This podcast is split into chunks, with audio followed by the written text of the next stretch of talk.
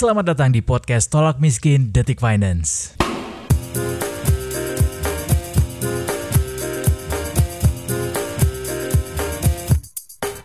Dua minggu yang lalu dunia maya dihebohkan sama tweet dari salah seorang netizen dengan nama akun @sadnessloop atau Kevin Pramudia Utama yang bercerita soal keberuntungannya bisa dikontrak sama Adobe yang gak disangka-sangka. Lewat momen kontes edit foto yang diselenggarakan di Instagram, Kevin akhirnya dilirik sama Adobe buat jadi tutor dan dihadiahi kontrak bernilai 6000 US dollar atau sekitar 90 juta rupiah kalau dikurskan 15 ribu. Bukan cuma karena nominalnya Detikers, kisah Kevin ini yang mendapatkan kontrak dari Adobe e, menjadi menarik karena ada jalan panjang yang dia ceritakan sampai akhirnya bisa dilirik sama perusahaan sekelas Adobe. Jadi ceritanya si Kevin ini yang umurnya ternyata masih 23 tahun itu lagi ngikutin kontes Lightroom yang diadakan sama Adobe dan juga JNTO, Japan National Tourism Organization. Uh, yang seawalnya itu dia sempat pesimis buat menang karena yang lain itu kontestan yang lain punya foto-foto yang juara juga. Ternyata dari sejumlah foto yang dikirim Kevin buat jadi uh, kontestan dalam lomba ini ada dua fotonya yang terpampang di daftar para juara. Tapi perjuangan Kevin buat ngirim sejumlah fotonya buat lomba itu nggak sia-sia.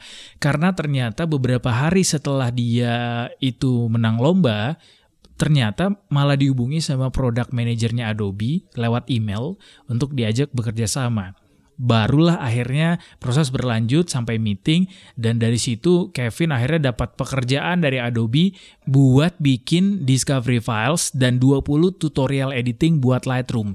Proyek ini juga ternyata butuh perjuangan yang berdarah-darah detikers alias ekstra. Tapi untungnya bisa diselesaikan dengan baik akhirnya sama Kevin dan uh, yang jadi menarik adalah Kevin bilang bahwa editannya ini yang jadi juara dan dilirik sama Adobe ternyata dulu sering diejek sama orang-orang. Tapi malah sekarang bisa dapat kesempatan buat kerjasama dengan sebuah perusahaan software grafis yang besar. Nah, si Kevin ini ternyata memang eh, sehari-harinya saat ini sedang ada di Jepang pemuda asal Semarang ini lagi kerja di Jepang dan saat ini kita mau hubungi Kevin buat cari tahu sebenarnya cerita Adobe ini uh, latar belakangnya seperti apa dan bagaimana Kevin bisa menjadi seorang desainer yang uh, dilirik sama perusahaan sekelas Adobe. Kita tanya-tanya sama Kevin all the way from Japan.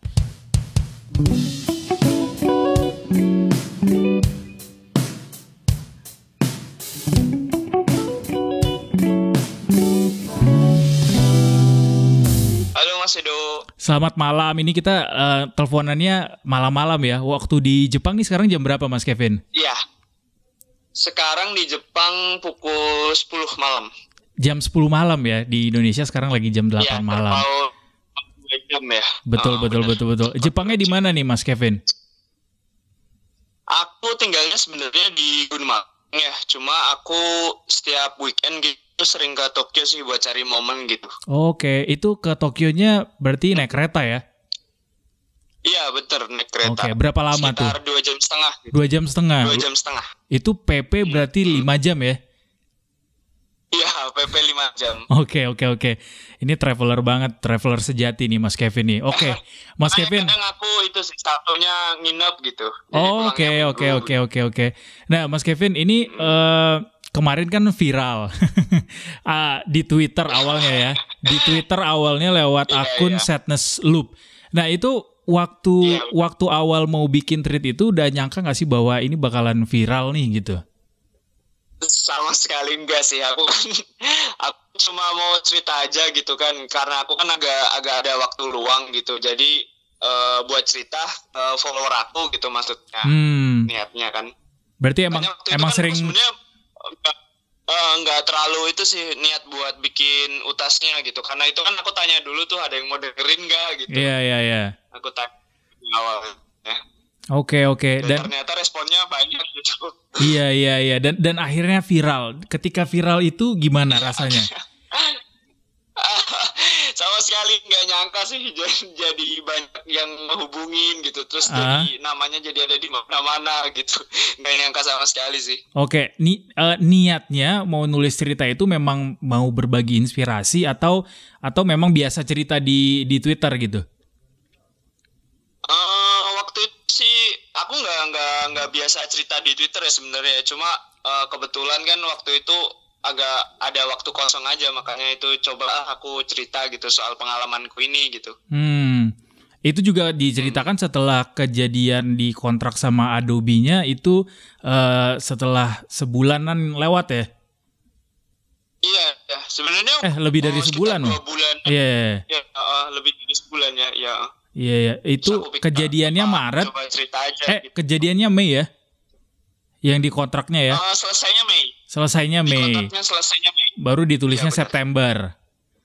ya heeh. Ditulisnya September. Itu eh, jadi ketika apa namanya eh, eh, sejak kapan sih Mas belajar belajar ngedit foto kayak gitu? Karena katanya belajarnya otodidak semua ya.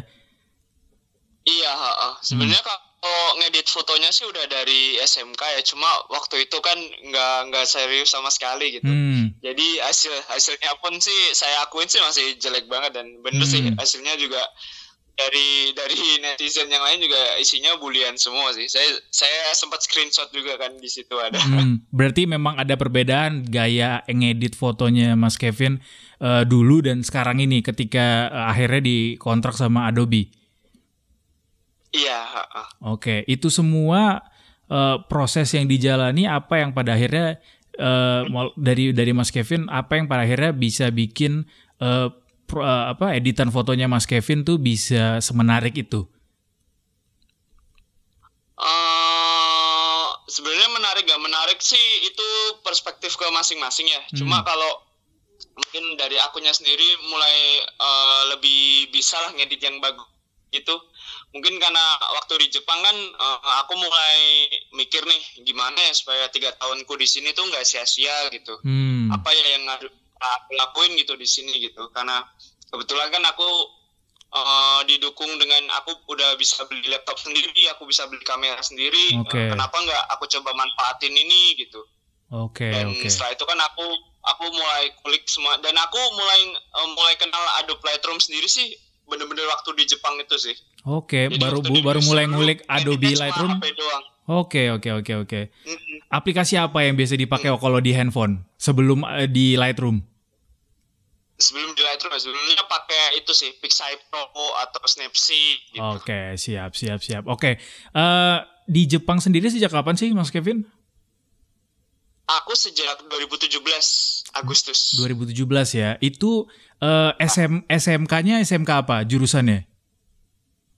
Aku SMK Negeri 7 Semarang, jurusan teknik teknik audio video. Oke, memang sesuai berarti ya dengan eh, background akademisnya sebenarnya ya. Eh, Ada mirip-miripnya ya. Sebenarnya kalau kalau ya, iya sih ya, cuma eh, soal fotografi sih sama sekali nggak diajarin sih kalau Hmm. di itu di.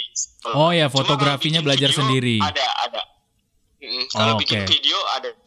Nah, ini kan juga kita dengar-dengar dari risetnya tim detik.com nih, eh, Mas Kevin itu udah lama juga sebenarnya mengidam-idamkan untuk bisa sampai di Jepang gitu loh. Nah, ini juga jadi satu cerita Iya, tersendiri juga buat detikers yang lainnya juga bisa jadi inspirasi buat yang selama ini bermimpi bisa kerja di mana gitu dan akhirnya kesampaian. Mas Kevin boleh cerita dari awal eh, apa awal kedatangan Mas Kevin di Jepang itu bisa sampai di Jepang kayak gimana dan sekarang itu kegiatannya apa? Hmm, oke. Jadi aku kan eh, sebenarnya waktu mulai masuk SMK tuh udah bermimpi bahwa suatu saat tuh bisa gitu kerja di luar negeri gitu. Hmm. Sebenarnya nggak nggak spesifik ke Jepang ya, cuma Oke. karena aku lihat kan Jepang Jepang negara yang bagus itu mungkin salah satunya Jepang gitu ya. Hmm. Dan aku mulai eh, istilahnya mulai bermimpi gitu tuh salah satunya dengan ngeditin foto-foto aku backgroundnya Jepang gitu Oke. backgroundnya Jepang. Nah, itu tuh biar jadi eh, bensin, biar jadi pemicu buat aku bahwa Hmm. ini suatu saat nih aku bakal ganti background ini tuh dengan yang nyata gitu. Hmm. Dan aku uploadin tuh editannya juga itu tuh yang diejekin sama teman-teman bahwa aku tuh cuma mimpi gitu, nggak mungkin gitu Hmm. bisa sampai ke Jepang gitu. Dan kebetulan uh, setelah lulus SMK itu kan aku coba ikut seleksi itu yang program pemagangan itu Oke. dan memang uh, gagal juga sih jadi jujur aja aku sempat ada di titik bahwa hmm, kayaknya nggak mungkin ya ini bukan jalanku nih buat ke Hmm. Jepang gitu Hmm. udah uh, waktu itu dua kali tes aku gagal salah satunya karena berat badan ya karena aku waktu Hmm. itu oh, agak kurus banget sih jadi gagal gitu setiap tes di berat badannya gagal jadi Hmm. Aku coba untuk eh, karena jujur aja eh, ekonomi keluarga aku kan waktu itu belum bagus ya jadi nggak Hmm. mendukung juga aku buat ya jadi aku coba buat kerja cari kerja gitu setelah lulus SMK kan Oke. karena gagal itu ya Hmm, hmm, lalu aku, aku kan eh, cari kerja pun itu kebetulan kok juga beberapa itu gagalnya juga terakhirnya di tes kesehatan karena berat badan juga gitu Oke, oke. jadi bener-bener belum rezekinya ya terus Ah. masuk itu kan aku lulus Agustus ya aku masuk ke Desember itu aku dengar ada seleksi ke Jepang lagi gitu dan Hmm. kali ini kan aku juga makan banyak gitu jadi aku coba lagi Hmm. dan puji Tuhan sih eh, akhirnya lolos sih seleksinya Yang kesehatan itu juga lolos ya? Nggak ada concern di kesehatan lagi ya? Ya, di ya, berat badan nggak tadi ya? terlalu- ya udah lebih dari 52 udah lolos Tapi menuju menuju ke situ memang 50 me- boleh menuju ke situ memang yang di yang jadi concern adalah berat badan waktu itu ya. Iya, yang jadi concern adalah berat badan karena waktu itu kurang dari 50 gitu. Oke, oke, oke. Dan kan ada ada syarat minimalnya ya Hmm. buat buat ikut seleksi. Lalu Mungkin kan takutnya kalau udah sampai Jepang tuh kalau kurang dari 50 tuh nggak kuat kerjanya atau gimana hmm, gitu. ya ya ya. Nah, kerjaannya apa nih Mas Kevin kalau boleh tahu? Kalau aku kerjanya itu di pengelasan ya, pengelasan pengelasan semi robot sebenarnya semi otomatis gitulah ya. Hmm. Jadi eh, misal nih eh, kayak Tokyo University atau Shibuya Station gitu Ya. mau bikin bangunan mereka yang baru, Hmm. ya di tempat aku itu dirakit dirakit dulu gitu besi-besinya gitu. Hmm. Nah aku yang ngelasin besi-besi dan ngerakit besi itu baru dibawa pakai truk terus tinggal dipasang waktu di eh, di bangunannya sana gitu. Oke, oke. Itu udah dilakukan sejak 2017. Iya betul. 2017. Harusnya kan ti- tiga tahun ya Hmm, kontraknya hmm, ya sampai Agustus ini Oh, oke. 2020 ini. Aha. Cuma karena karena corona ini ya, Hmm. harusnya kan aku pulang karena corona ini. Eh, jadi eh, nggak memungkinkan buat pulang. Hmm. Jadi langsung eh, dan kebetulan eh, perusahaannya sini kan masih butuh tenagaku gitu. Oke. Jadi langsung tambah kontrak dua tahun lagi. Oke, tenggat banget ya Mas Kevin ya. Akhirnya walaupun di Iya, tengah masa pandemi sih. ketika Iya. orang-orang justru sedang eh, ekonominya melarat ke kena PHK di sana walaupun di negeri orang ternyata justru terselamatkan ya gara-gara Covid ya. Iya, eh, be- bener sih. Sebenarnya aku bersyukur banget ya. Kenapa? Karena eh, teman-teman aku yang di sini tuh kan banyak juga tuh yang kerjaannya pada tutup, pabriknya Hmm. pada tutup. Itu mereka juga di mau nggak mau dipulangin juga sih, walaupun di Hmm. tengah pandemi ini. Yang Indonesia. Dan aku bersyukur karena, iya bener. eh. dan aku bersyukurnya karena perusahaanku itu nggak nggak kena dampaknya gitu.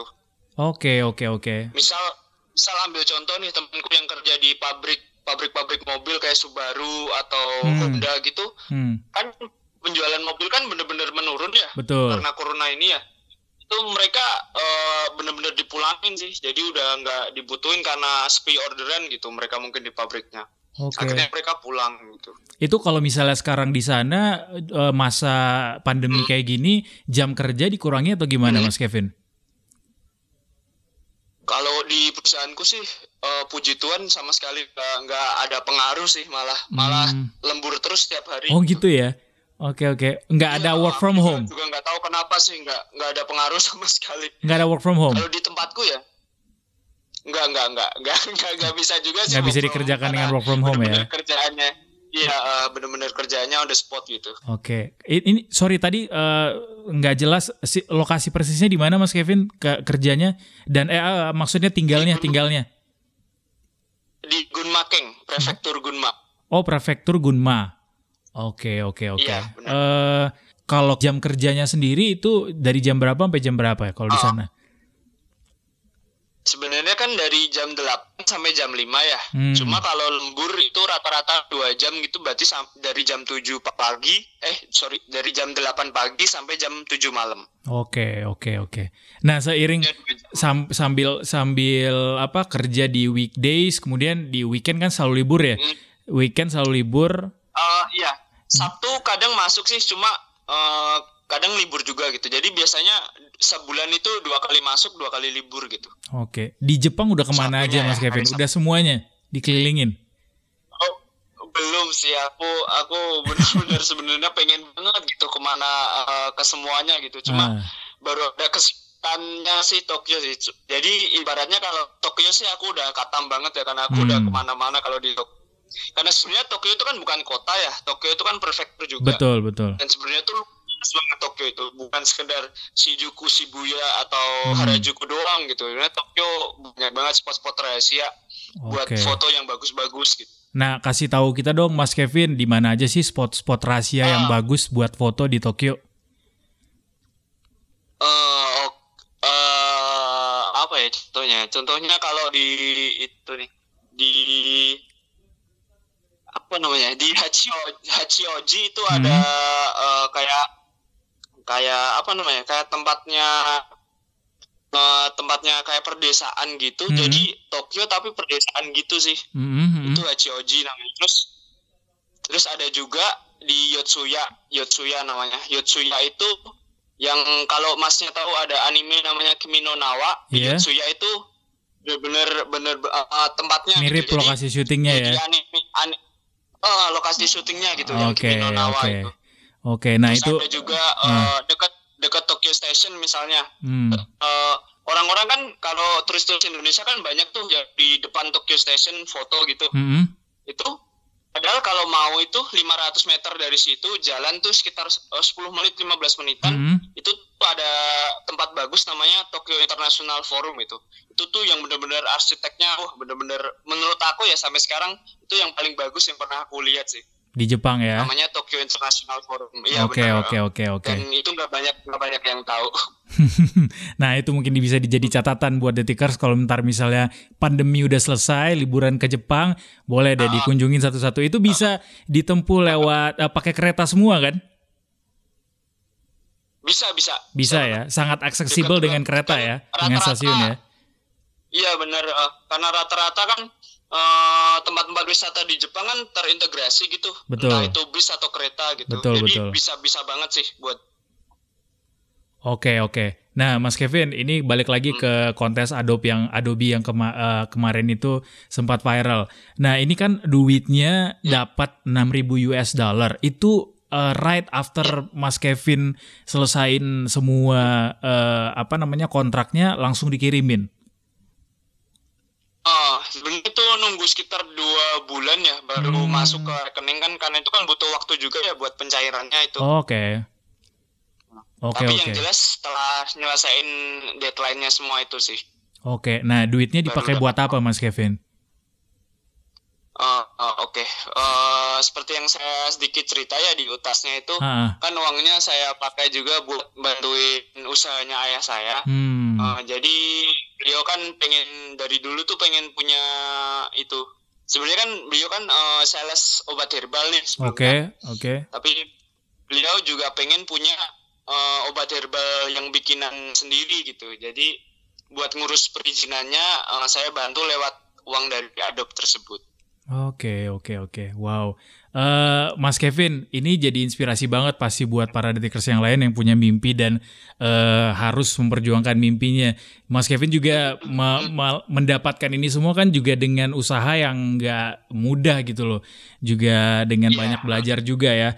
Nah, eh, Mm-mm. sekarang gimana nih prosesnya sama Adobe? Masih ada kontak-kontakan atau gimana?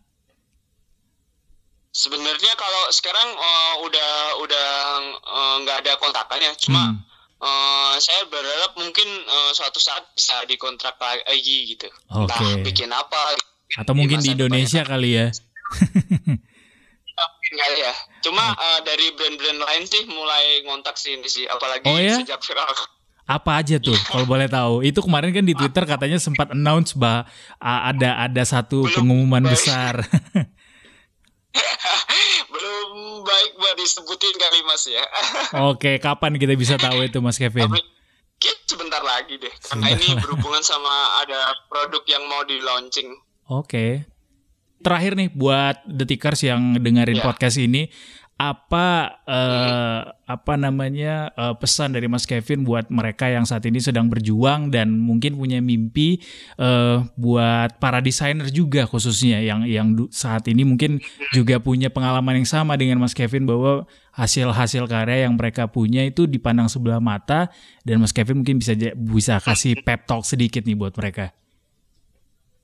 Hmm, Oke, okay. buat temen-temen nih yang sekarang lagi struggling gitu sama hasil editannya gitu atau sekarang lagi belajar ingin ngembangin uh, istilahnya juga ngejar mimpinya gitu, uh, jangan patah semangat sih walaupun sekarang mungkin masih ya uh, masih diejek, masih direndahin atau mas bahkan dicaci sana sini, jadiin aja itu sebagai bensin gitu sebagai penyemangat buat kalian bahwa akhirnya nih nanti suatu saat itu kalian bisa tuh tutup mulut mereka itu dengan prestasi kalian gitu. Biarin uh, prestasi kalian itu yang yang bikin noise gitu yang bikin orang-orang tuh bisa pada diem dan akhirnya mereka itu ngerti bahwa selama ini kalian itu nggak cuma sekedar buat uh, main-main tapi memang ada sesuatu ada mimpi yang kalian perjuangin gitu. Jadi jangan nyerah sih uh, karena uh, kita pasti mau apa pun yang kita mau itu sebenarnya bisa kalau kita uh, mau dan tekun dalam ngerjain semuanya itu pakai hati gitu dan oh. jangan lupa buat minta restu dari orang tua sih karena okay. bagaimanapun keberhasilan kita itu salah satunya dari doa mereka sih gitu siap betul banget oke okay. Mas Kevin terima kasih banyak waktunya udah diluangkan buat Detik Finance siap sama-sama uh, Mas Edo. Se sehat selalu di sana, sukses untuk segala pekerjaan dan rencananya. Yang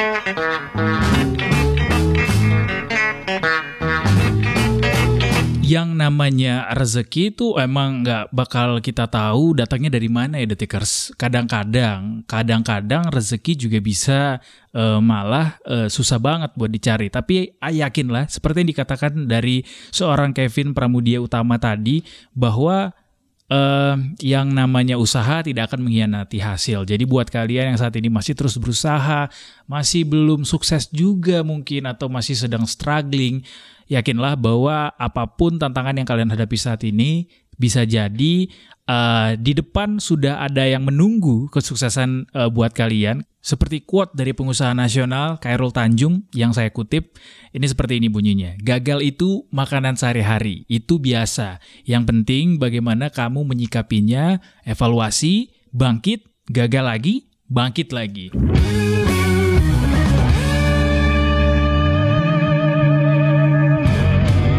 Jangan lupa dengerin podcast-podcast Detik Finance berikutnya di podcast Tolak Miskin. Detikcom